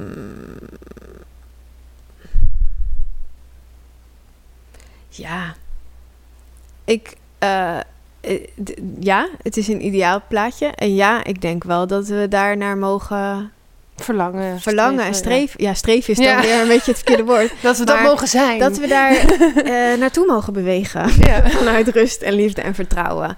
Eh, ik denk oprecht dat dat, ehm, dat dat juist wel de manier is. En dat wil niet zeggen dat je niet meer werkt, hè? Nee. Het, het gaat misschien meer in golven. Of het gaat... ehm, eh, of misschien ga je juist wel harder werken.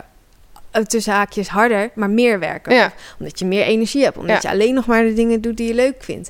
Dus ik heb niks tegen werken. Nee. Helemaal niet. Nee. Eh, I love it. Mhm. Maar eh, het gaat dus om wa- vanuit waar kom je in beweging en wat is zijn zeg maar die achterliggende motieven. Als je dat allemaal een soort van de nasty stuff eruit haalt en je komt in beweging omdat je een missie hebt en je hebt een verlangen en je hebt er zin in. Ehm, en je wil mensen helpen, dan ga je misschien nog wel meer doen. Dan ga je, pak je s'avonds je laptop er weer bij, omdat je het gewoon zo leuk vindt wat je aan het doen bent. Dus, de, dus dat het een het ander uitsluit, dat klopt niet. Nee, eens. Ja. ja, ik heb wel gemerkt dus, maar dat had ik al een beetje gezegd, dat ik afgelopen jaren dus wel heel veel vanuit een soort prestatiedruk van kijk mij dingen heb gedaan. En de laatste tijd heb ik juist zoiets van, oh, ik hoef mezelf niet zo te bewijzen. Maar ja, eh, dingen zijn al opgestart. Dus dan kan je niet zeggen, ik stop er helemaal mee. En dan, dus het, eigenlijk merk ik dat ik nu wel meer vanuit flow werk. Zo Ja. van, ja, het bestaat nu al, dus dan Ja. gaan we ook maar verder. Ja. ja, maar dat is ook het leven. Dus, Ja. dus wa- waar je vandaan komt, dat is de building stone waarop je weer verder door kan bouwen. Ja, Ehm, maar het wil niet zeggen dat dat, ehm, dat de enige route was. Stel je voor, jij had die bewijsdrang niet gehad, dan, dan denkt je mind nu misschien, oh, dan had ik al deze dingen niet gehad. Maar Mhm. dat, is, dat weet je helemaal niet. Nee. Misschien was er nog wel meer geweest. Ja. Dat weet je niet. Nee. Maar wat je nu hebt, natuurlijk mag je dat gebruiken en lekker op doorflowen en, en eh, ja, beautiful. Oké, ehm, even kijken.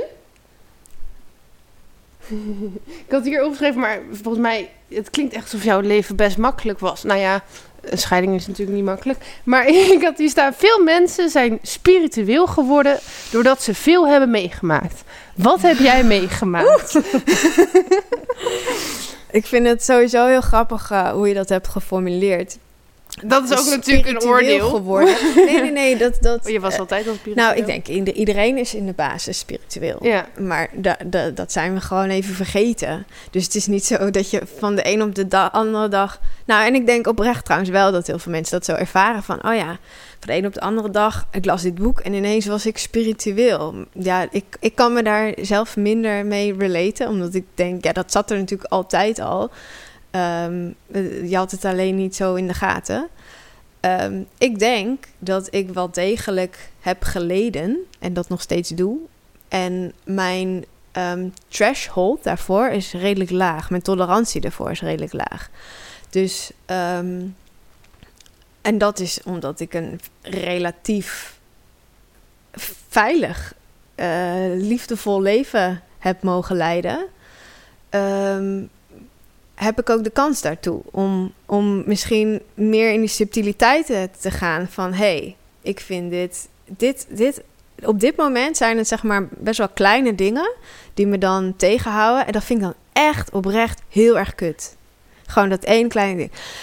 Betekent dat dat ik daar 90% van de dag mee bezig ben? Nee, natuurlijk niet. Dus misschien is 80% van mijn leven geweldig En die 20% die, die is nog een beetje. Nou, daar, daar, daar dedicate ik me dan wel heel erg aan. Dus mijn tolerantie, ik ga niet nu denken, oh, het is al voor 80% goed, weet je wel? Hm. Dus mijn dedication en mijn geloof in dat het, dat het nog mooier kan, nog fijner, nog relaxter kan. Ik denk dat die heel erg een driver is voor mij ehm, geweest. En ik kan nu ook heel erg praten, denk ik, over de dingen in mijn leven. Zoals ze zijn gebeurd, omdat ik vanuit zo'n relaxte plek kom. Maar een ander had het misschien heel erg ervaren als eh, wel wa- zwaar en intens. En ehm, ja, Ja, dus dat, dat, ik, dat vind ik lastig om te zeggen. oké. Ja, Maar ehm, was er bij jou wel een soort, ja, hoe zeg je dat? Bekeringsmoment of zo. Nee, maar ik bedoel, heb ben je ja, ja, spiritueel ja. opgevoed? nee, nee, dus er is wel, er is wat ik denk dat tegelijkertijd met da- dat punt van, voor, nee, dat was wel wat later. Dus ik ging voor mezelf beginnen. Ik ging dat eerst nog heel erg vanuit de aut- automatische piloot doen. En ik denk eh, rond 2017, dus toen was ik drie jaar in het ondernemerschap. Toen begon het heel erg te knagen van, ik klopt iets niet. Ehm, ik, eh, ik, ik zou anders willen leven. En ik denk dat dat voor mij het startpunt is geweest, ook waarop ik eh, meer om me heen ging kijken van, hey, wat is er aan boeken, aan podcasts, aan, aan ehm, tools om, om het anders te gaan doen. Dus er was wel degelijk zo'n omslagpunt. En tot die tijd was ik redelijk oogkleppen op, gaan met die banaan. Gewoon alles wat nog oud was, gewoon nog helemaal uitleven, zeg maar. Hoe ik het had geleerd, gewoon helemaal dat. Mhm. Ja. Oké. En, en, eh, dus, en doordat je je daarin ging verdiepen, werd je dan... Ja, dat was dus Werd van- spiritueel? ja, inderdaad. Tada! Tada! ja, Oké. ja, absoluut. Eh, even zoeken naar een vraag eh, die je nog niet hebt beantwoord. Want tot nu toe heb je echt al heel veel verteld wat hier ook staat als vraag, zeg maar. Mm, ja, ik las iets op je social media dat je bij een soort spirituele community zat Mhm. waar je bent uitgestapt. Toen Mhm. dacht ik, dat is volgens mij een goed verhaal. Oh. ja, nee, zeker. Eh, het is eh, ook een heel gelaagd en een genuanceerd en belangrijk verhaal. Ehm, vind ik zelf. Dus, het, eh, dus een van de teachers die ik toen ben gaan volgen, toen ik om, om me heen ging kijken. Ehm, nou, dat was een spiritueel teacher en ik heb heel veel geleerd van hem, van online eh, video's eh, bekijken en, en eh, hoe hij dingen uitlegt. En nog steeds voel ik daarvan dat heel veel daarvan kloppen voor mijn gevoel met hoe ik het ervaar. Dus we gaan denk ik geen naam noemen. Nee, ik ga geen Nee, namen noemen. Maar het, het, ehm, het is dus een persoon Ja. die, eh, zeg maar, eh, zo'n zo'n coach is die- je dan kan volgen op social media en die events organiseert. Dat, zeg maar. Ja, maar hij is ehm, meer, hij, is, hij noemt zichzelf meer een teacher, dus een spiritual teacher. En ehm, wanneer, dus ja, je kan hem online volgen. En ehm, waar het zeg maar bij mij uiteindelijk op uitliep, is toen ik bij mijn partner wegging. Toen zocht ik een woonruimte en toen ben ik uiteindelijk dus terechtgekomen in het gebouw waar deze meneer ook een community had. Mhm. Ehm, en steeds meer en meer raakte ik dus ook betrokken bij die groep mensen. Het was heel fijn, een hele, hele fijne groep mensen, heel liefdevol, voelde heel fijn. Ehm, uit deze, eh, deze groep is toen gaan reizen. En ik werd daar ook voor uitgenodigd om, eh, om mee te gaan. En toen ik daar was, en dat was een, dus een selecte groep van deze community. Toen ik daar was, merkte ik heel erg ehm, dat er, er zaten mij bepaalde dingen niet lekker. Dus, dus ik begon, hoe dichterbij ik zeg maar de harde kern van deze community kwam, hoe meer ik begon te voelen, hé, hey, dit klopt niet helemaal. Het, is niet, het is een beetje raar, het is een, is een beetje off. En ehm, ja, uiteindelijk kwam ik tot de conclusie dat het in ieder geval voor mijzelf geen gezonde omgeving was om me verder nog ehm, in te bewegen en, en eh, nog dieper in te duiken. Ehm, en afgelopen jaar heb ik er veel research naar gedaan. Heb ik ook naar interviews geluisterd over mensen die over hem praten. Ehm, en naar cults, naar narcisme.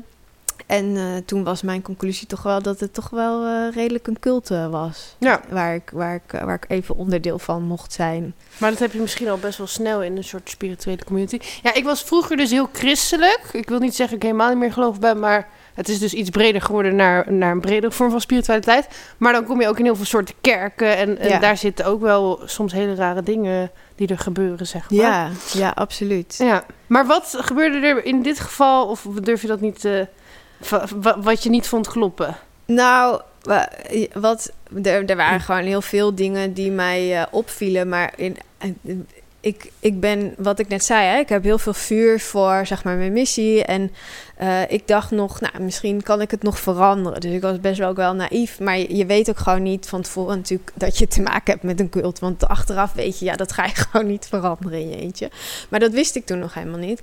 Eh, dus ja, er waren gewoon best wel veel red flags. Er was, er was een, een ehm, eh, ja, de focus was heel erg op de enlightenment stuk. En het hele mens zijn werd eigenlijk, daar werd een beetje op neergekeken. Dus op het hebben van emoties, eh, fysieke gezondheid, eh, gezond eten, maar ook ehm, connectie met de aarde, het grotere geheel. Dus eigenlijk werd je heel erg geïsoleerd ook daarvan en heel erg ehm, afgesneden van het mens zijn. En het ging met name over die ascension en ehm, ja, het multidimensionele leven, bij wijze van spreken. Dus dat, maar dat, nou, dat zat niet helemaal lekker. Maar ik dacht, oké, dit is een man, weet je wel, een mannelijke teacher. Misschien ontbreekt het gewoon aan vrouwelijke invloeden. Ja. En eh, mogen wij als vrouwen daar meer ons stemgeluid in gebruiken. Maar daar was dus eigenlijk heel weinig ruimte voor. Dus er was heel weinig ruimte voor je eigen unieke expressie. Alles waar ik het net over Ja. had. En eigenlijk Ja. waar ik voor sta. Dus ik twijfelde de hele tijd van ja, ik vind het heel fijn om onderdeel te zijn van een community. En de missie van deze meneer klopte ook heel erg met mijn missie in de zin van dat, dat bewustwordingsproces. Hè. Dus hij, hij heeft het over eh, global awakening. Dus het, het, het wakker helpen maken van de, van de wereld. Eh, dus dat klopte allemaal heel erg. Dus ik dacht, misschien kan ik wat ik kan, mijn unieke puzzelstukje bijdragen. En zo een 1 plus 1 is 3 ervaring creëren. Dus dat was zeg maar mijn intentie erin. Maar gaandeweg kwam ik dus erachter van. Ah, het, gaat alleen maar over hem. Dus de, je bent uren waren we naar hem aan het luisteren in sessies. Ehm, het was zijn, zijn moed, zeg maar, eh, was bepalend voor, voor hoe iedereen er een beetje bij liep. Eh, iedereen toetste zijn of haar eigen beweging ook echt aan hem. Ehm, hij pretendeerde ook de, de meest enlightened of us all te zijn. Dus eh, zette zichzelf op hetzelfde niveau als, als God. En nou, daar ben ik het ook mee eens, want ik vind, ik ben zelf ook God Ja, en jij bent ook ja. God. Maar hij vond zichzelf meer God als in minder, minder menselijke Ja. bullshit. Dus zijn oordeel was zuiverder. Ja. Ehm, dus allemaal eigenlijk van die hele, ja, echt een cultleider. Van dat, dat ja, maar dus- ik denk, zeg maar, een half jaar geleden... Je hebt bijvoorbeeld ook heel van die goeroes in India of zo. ja, Eh, ik denk, of een jaar geleden of zo, zou ik ook nog wel denken van... Oh, die goeroe is verlicht, dus die wil ik volgen. En dan Ja. zou ik ook iemand buiten me zetten, of boven me zetten, zeg maar. Maar nu zou ik dat niet zo snel meer doen. Nou, Want dat is best denk ik wel het, eh, de allergrootste ehm, takeaway. Of in ieder geval waar ik zelf dus in... Ik heb er een podcast-episode opgenomen met Sanne, die, een, een vriendin van mij... En die, die had haar eigen dingen zo meegemaakt. Dus we hebben samen hebben een podcast over onze ervaringen opgenomen. En daarin vertel ik ook heel vurig. Dat, dat heb ik teruggeluisterd. dacht ik, nou, hier zit echt eh, vuur onder Ja. Verbrugge. Eh, ja, je, dat je wie je ook volgt, ehm, let er gewoon op of diegene eigenlijk de bal steeds wel weer terug bij jou legt. Van het is jouw waarheid, het is jouw weten, het is jouw leven. Of slurpt hij het als het ware op voor zichzelf en ehm, voor zijn eigen macht, status, ehm, feeling good. En dan En- alsnog blijft iedereen de mens. Dus je kan iemand volgen die echt helemaal geweldig is en heel veel goede dingen doet. En dan alsnog kan die opeens eh afdwalen, Juist, zeg maar. ja. Ja. dus dat blijven toetsen bij jezelf. En dat is met deze meneer was dat ook. Aan de buitenkant heb je het eigenlijk niet zo, niet zo door. Dus het duurt ook even voordat je begrijpt... oh, wacht even, maar het beeld dat ik had van hem... op basis gewoon van de YouTube-video's... Dat, dat, dat, en dat is echt... dat doet pijn in je hersenen, hoor. Om, Ja. dat, om dat bij te stellen naar... oh, wacht, het is eigenlijk eh narcist. Ja, want kijk, in eerste instantie ben je waarschijnlijk heel erg onder de indruk van iemand van wauw, eh, Ja. eh, dit is zoveel wijsheid en eh, dit is echt eh, waarheid. En, ja. Ja. En, en dan ga je diegene misschien ook zelfs wel een beetje als een god aanbidden. Ja. ja. En dan wordt het gevaarlijk. Want dan, ehm dan zet je alles dus je. eigenlijk je eigen weten opzij.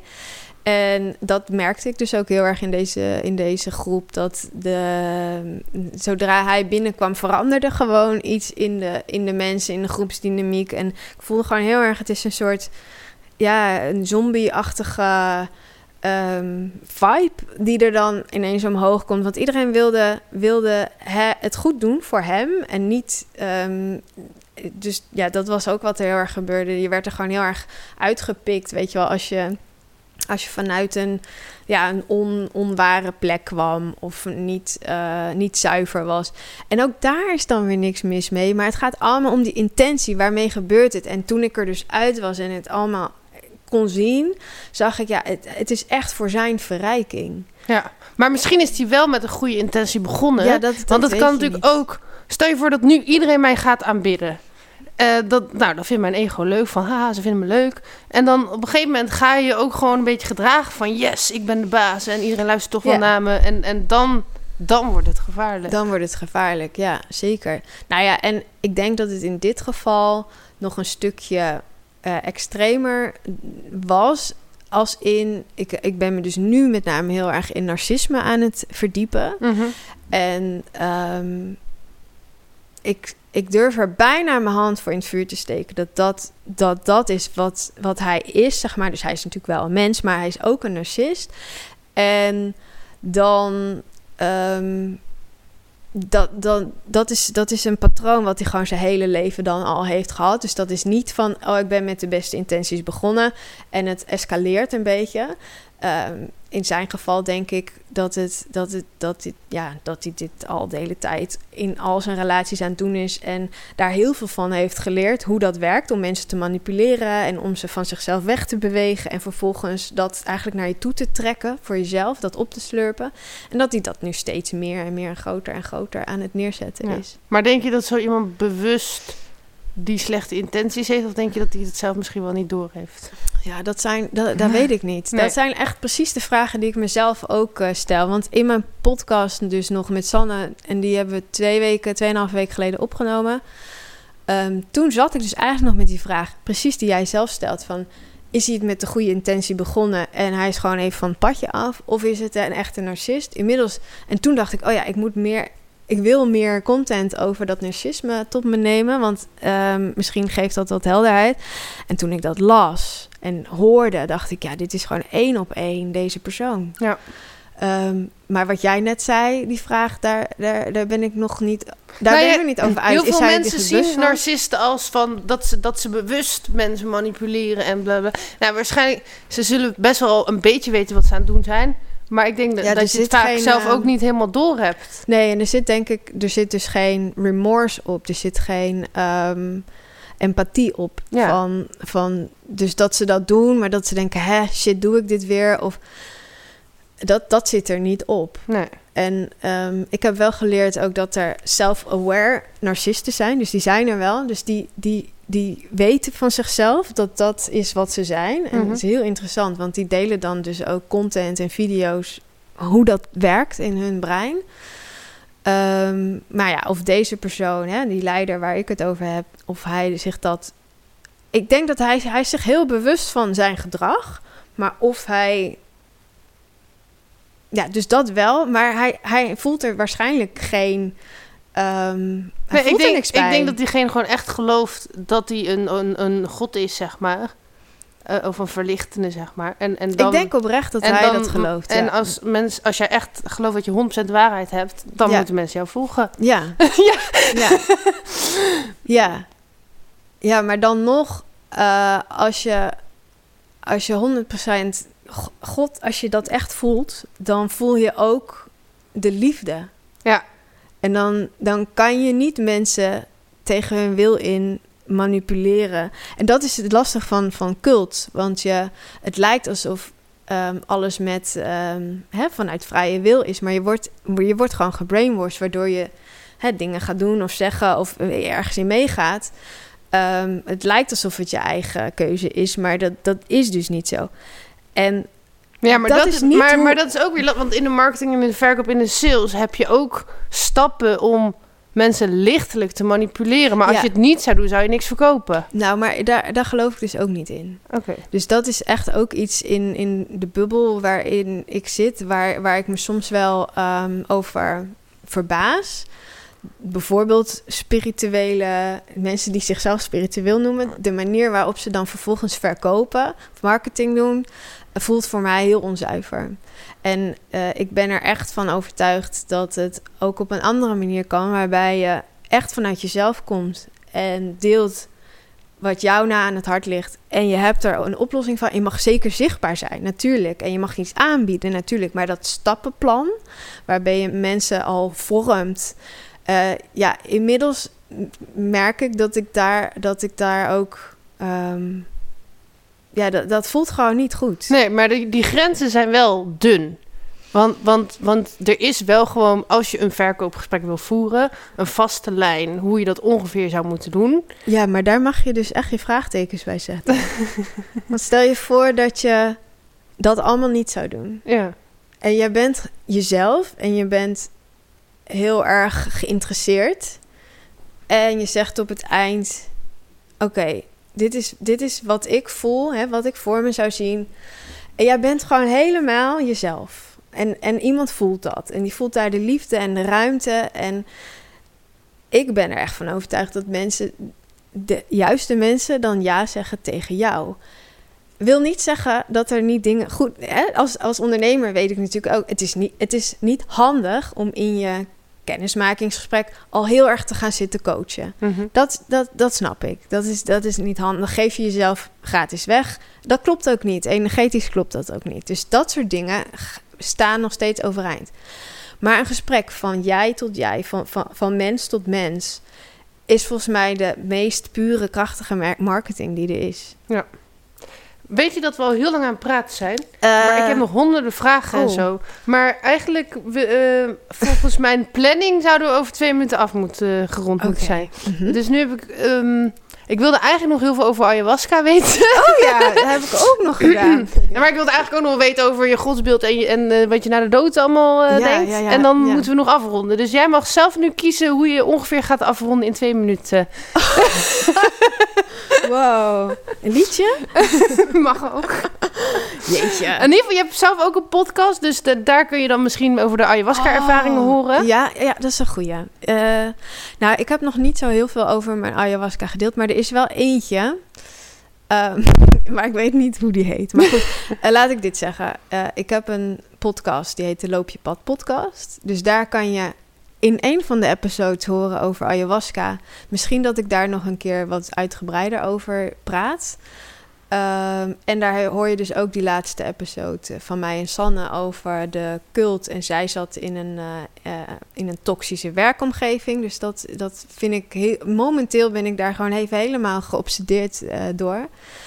En ehm, eh, als je meer wilt weten over mij, kan je me volgen op Instagram, ankerverbrugge.nl. En je kan ook House of Energy volgen. En dan schrijf je Energy N-R-G-Y. Oké. Dus ik heb een, een Instagram en een eh, website.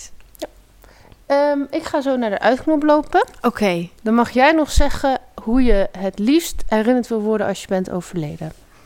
Nou, om het maar even af te sluiten met een lichte, luchtige vraag. Eh, maar ik heb daar een heel kort antwoord op, denk ik. Eh, als mezelf. en als iemand die anderen, eh, bij wie anderen de ruimte hebben gevoeld om zichzelf te zijn. Dankjewel.